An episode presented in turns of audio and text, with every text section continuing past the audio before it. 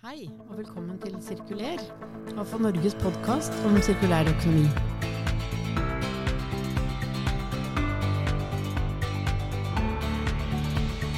Mitt navn er Nancy Strand, og gjestene våre i dag er Peter Sundt og Sveinar Kildahl.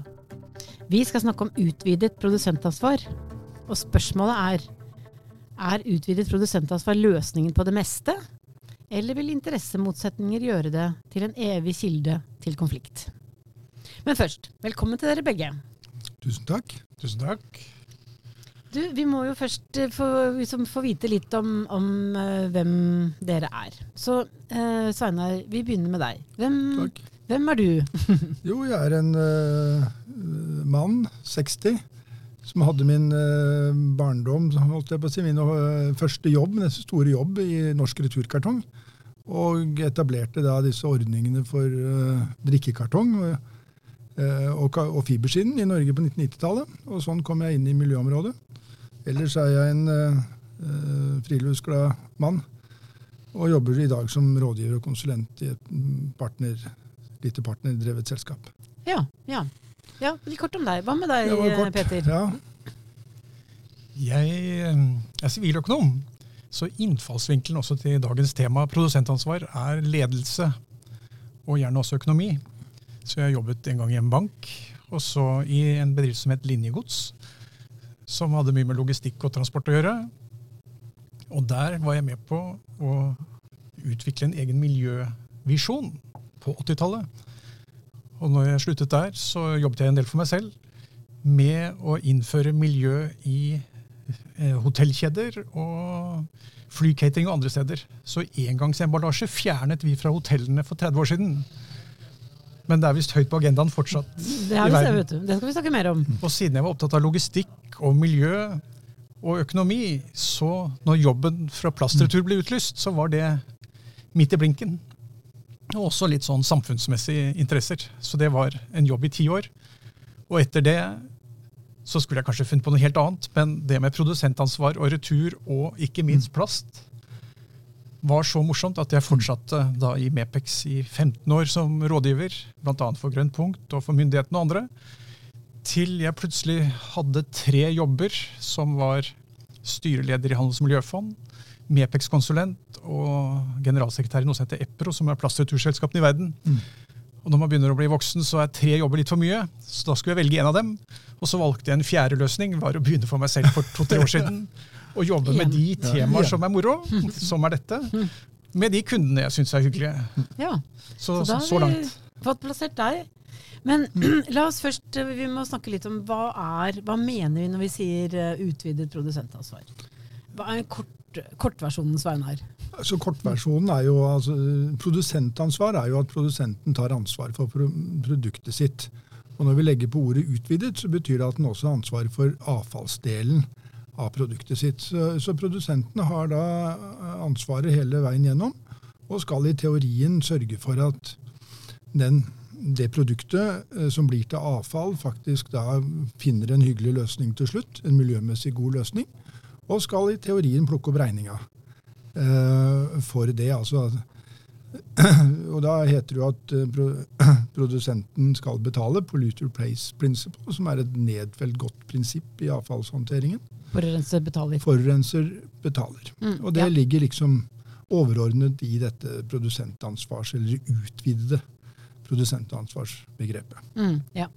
Men, men, eh, Peter, hvis du også da tilsvarende enkelt skulle si, når vi snakker om produsentansvar For du nevnte jo Grønt punkt, eh, som er et returselskap. Så er liksom, hvem er det som har ansvaret, og hvem er, som, hvem er det som gjør hva i dette systemet her?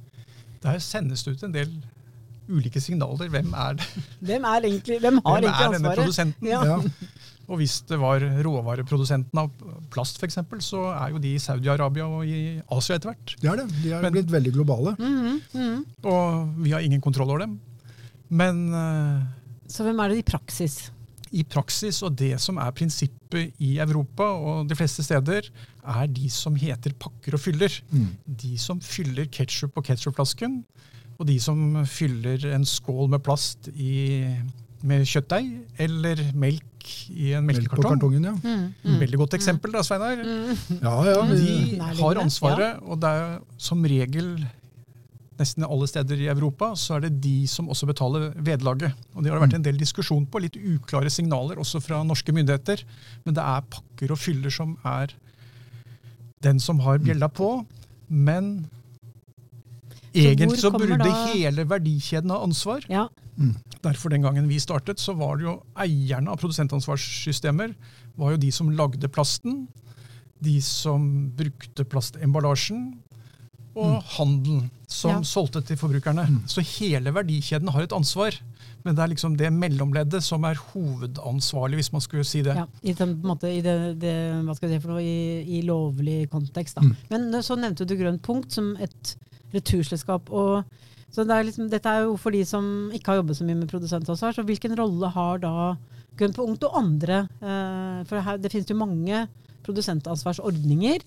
Mm. Men hvilken rolle har da returselskapene? så det, altså jeg pleier jo litt sånn forenklet å si at Grønn punkts hovedrolle er jo å sørge for innsamling av penger. Altså dekke inn den betalingen dette skal koste. Og så får du et, et, nytt selskap, eller en ny, en ny aktivitet, som er den fysiske innsamlingen av varene. Og, og noen må jo betale dette kalaset, og det skal jo da Fillers og Packers gjøre, som det heter på nynorsk. Eh, Og så Petter, den, vi må huske på å ta med denne eh, første eier av varen i Norge. Altså Hvis det er importert til landet, så er det første eier av varen. Importøren som da skal betale. Så Grønt punkt skal jo rett og slett sørge for innsamlingen av de som skal betale for det. Eh, Og gjør jo en bra jobb. De har jo samlet inn mye penger og dekket eh, veldig mye av det ansvaret for eh, Men skal vi fort også nevne noen av de andre returselskapene også da, eller? Fordi her er det jo Ja, mange. vi har to på emballasje, da. Ja, mhm. Grønt punkt og Norsirk. Ja. Begge to er godkjent som fullverdige eh, innsamlere av eh, emballasje i Norge. Mm. Og så har vi tilsvarende, bare for å ha nevnt det, for i dag så skal vi nok snakke mest om emballasje, men vi har også andre, f.eks. dette med elektronikk. Eh, det man kan si Det- der, er at eh, hvordan delte Gud opp verden, og hvordan deler Brussel opp verden? Og da deler man det ofte inn etter bransjer. ja. Så da tok man for seg emballasje først, fordi tyskerne, som vanlig den gangen, tjuvstartet i 1992. Og da var det om å gjøre at eh, når EU skulle gjøre det, så måtte det gjøres sånn og sånn for å, som et indre markeddirektiv, sånn at ikke tysk næringsliv kom i miskreditt Mm. i forhold til andre land. Så det er et indre markeddirektiv. Bare lære det. Og, og så utviklet dette seg rundt omkring i Europa. Og det er ikke bare Norge som er opptatt av sjølråderett og gjøre ting på egen måte. Hvert land i Europa har gjort det på sin måte. Sånn at det er ikke én oppskrift på produsentansvar. Så vi har løpt litt i forskjellige veier.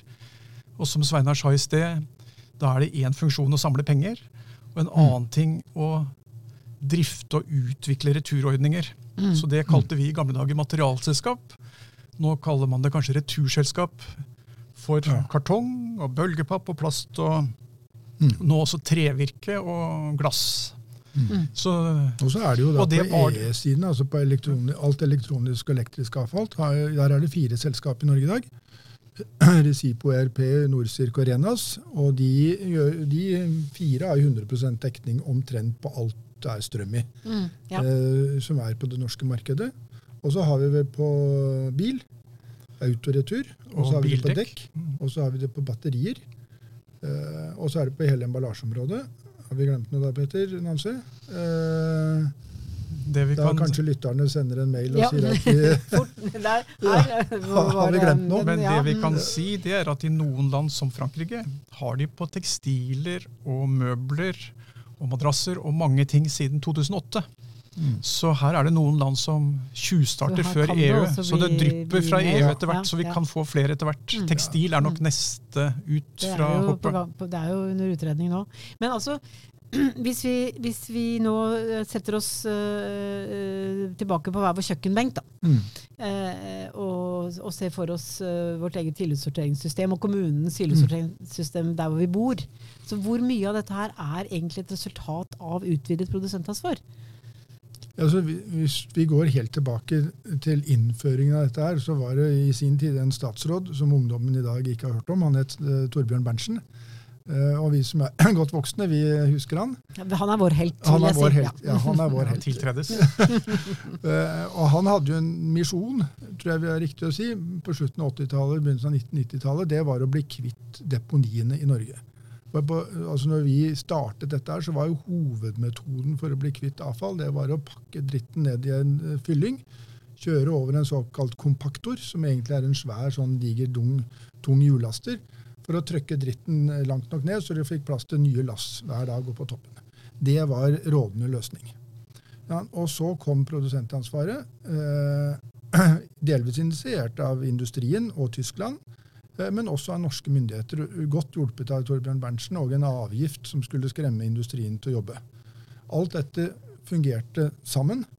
Og så fikk man da innføringen av kildesorteringsløsninger i Norge. Og vi hadde, når vi holdt på, Peter, jeg tror vi hadde 434 kommuner. Eh, og jeg tror alle valgte ulike løsninger. Eh, og det er vel nesten der fortsatt. At det er veldig mange ulike løsninger. Så hjemme på den kjøkkenbenken Nancy, så tror jeg det norske folk fortsatt har i hvert fall en 50-60 ulike måter å håndtere plast på, eller matavfall, eller avispapir, eller drikkekartonger. Så vi har ennå ikke fått noe harmonisert, standardisert, felles måte å håndtere Mm, mm. Den ja, kildesorterte eh, fraksjonen på, som ja. jeg tror noen av oss fortsatt drømmer om. Ja, Det er en sånn bitte liten digresjon, ikke sant? Men det er, for det er jo på en måte, ja, det er både ønskedrøm, men også eh, Vi er på vei mot en løsning. Men, men akkurat liksom hoved... Det faktum da, at etter hvert så har jo ganske mange i hvert fall fått de senere årene har de f.eks. fått en egen dunk for glass- og metallemballasje. Mm. Og tidligere så har de hatt uh, papir, kartong i litt ulike mm. varianter, som du ja. er inne på. Uh, og etter hvert uh, så har jo ganske mange tilbud i hvert fall om å sortere plastemballasje. Så er, er det riktig å si at alt dette er egentlig et resultat av at vi innførte utvidet produsentansvar i Norge? Hadde vi hatt dette det, nå, nå, er det sikkert noen ja, altså, kommuner som får uh, Sikkert noen kommer til å skyte oss. Uh, ja, ja, jeg lurer på det. Jeg, jeg, altså, følte at jeg var litt ute på litt farlig vei nå. Jeg, altså Sånn som det var, Peter, hadde ikke vi pushet så mye som vi gjorde på etableringen i kommunene, så hadde det i hvert fall gått mye tregere, for å være litt diplomatisk, tror jeg. Eh, for det var ikke veldig mange krav satt til at kommunen skulle gjøre dette uten at man måtte Bransjeavtalene, som det da het, var faktisk etablert. Så jeg tror det er riktig å si at uh, det grepet Berntsen gjorde, med Ellen Hamro, som nå er i Miljødirektoratet, da, og hun da var da i Miljøverndepartementet man måtte, De grepene de tok, de la grunnlaget for den kildesorteringen som kom uh, og ble presset igjennom, eh, mm. mer eller mindre frivillig. Og vi hadde kommuner som var direkte motvillige eh, hele veien oppover, langt inn på 2000-tallet, til innføring av kildesortering. Mm. Man kan vel si det sånn at i gamle dager så kastet vi avfallet bak låven, og så litt utafor. Og så var det deponering. Mm. Og så har det blitt forbrenning senere. Og så, hvis man sier avfall som et marked Hvis jern og metall har en høy verdi, så er det noen som i gamle dager kalte Albert og Herbert, som samlet inn det. Og det samme med plast. Hvis den prisen var veldig høy, så hadde man 3-4-5% plastmaterialgjenvinning før produsentansvaret kom. Men når plastprisene falt, som de gjør hvert syvende år, eller noe sånt, veldig, så stopper man. Og alle som har vært mm. borti kildesortering, vet jo at du kan ikke begynne å slutte med kildesortering. Det må være en jevn strøm. Så i hvert fall på plast, som er så lav verdi, billig materiale, så har dette vært veldig viktig. Og det mm. sier også EU når de satser videre på produsentansvar, at det, vi satser videre fordi det funker. Ja, Men det betyr Det er jo hoved, det er hovedfortellingen. Mm. Dette funker faktisk. Og Stockholm og Berlin og Oslo og regjeringene tenker litt forskjellig. Så i Sverige så sa de vi næringslivet får ansvaret helt fra kjøkkenbenken. Og så sitter vi i Stockholm og designer ting som mange beskylder Stockholm for. Og så sier de at eh, i Umeå og Stockholm og Göteborg osv. Så, videre, så skal dere ha gjenvinningsstasjoner med en svær container for plast og en svær container for ditt og datt. Og så styrer vi alt fra Stockholm. Og i, i Tyskland så innførte de en gul dunk, eller en gul sekk, sånn at hele Tyskland samler inn salgsemballasje på samme måte i hele Tyskland.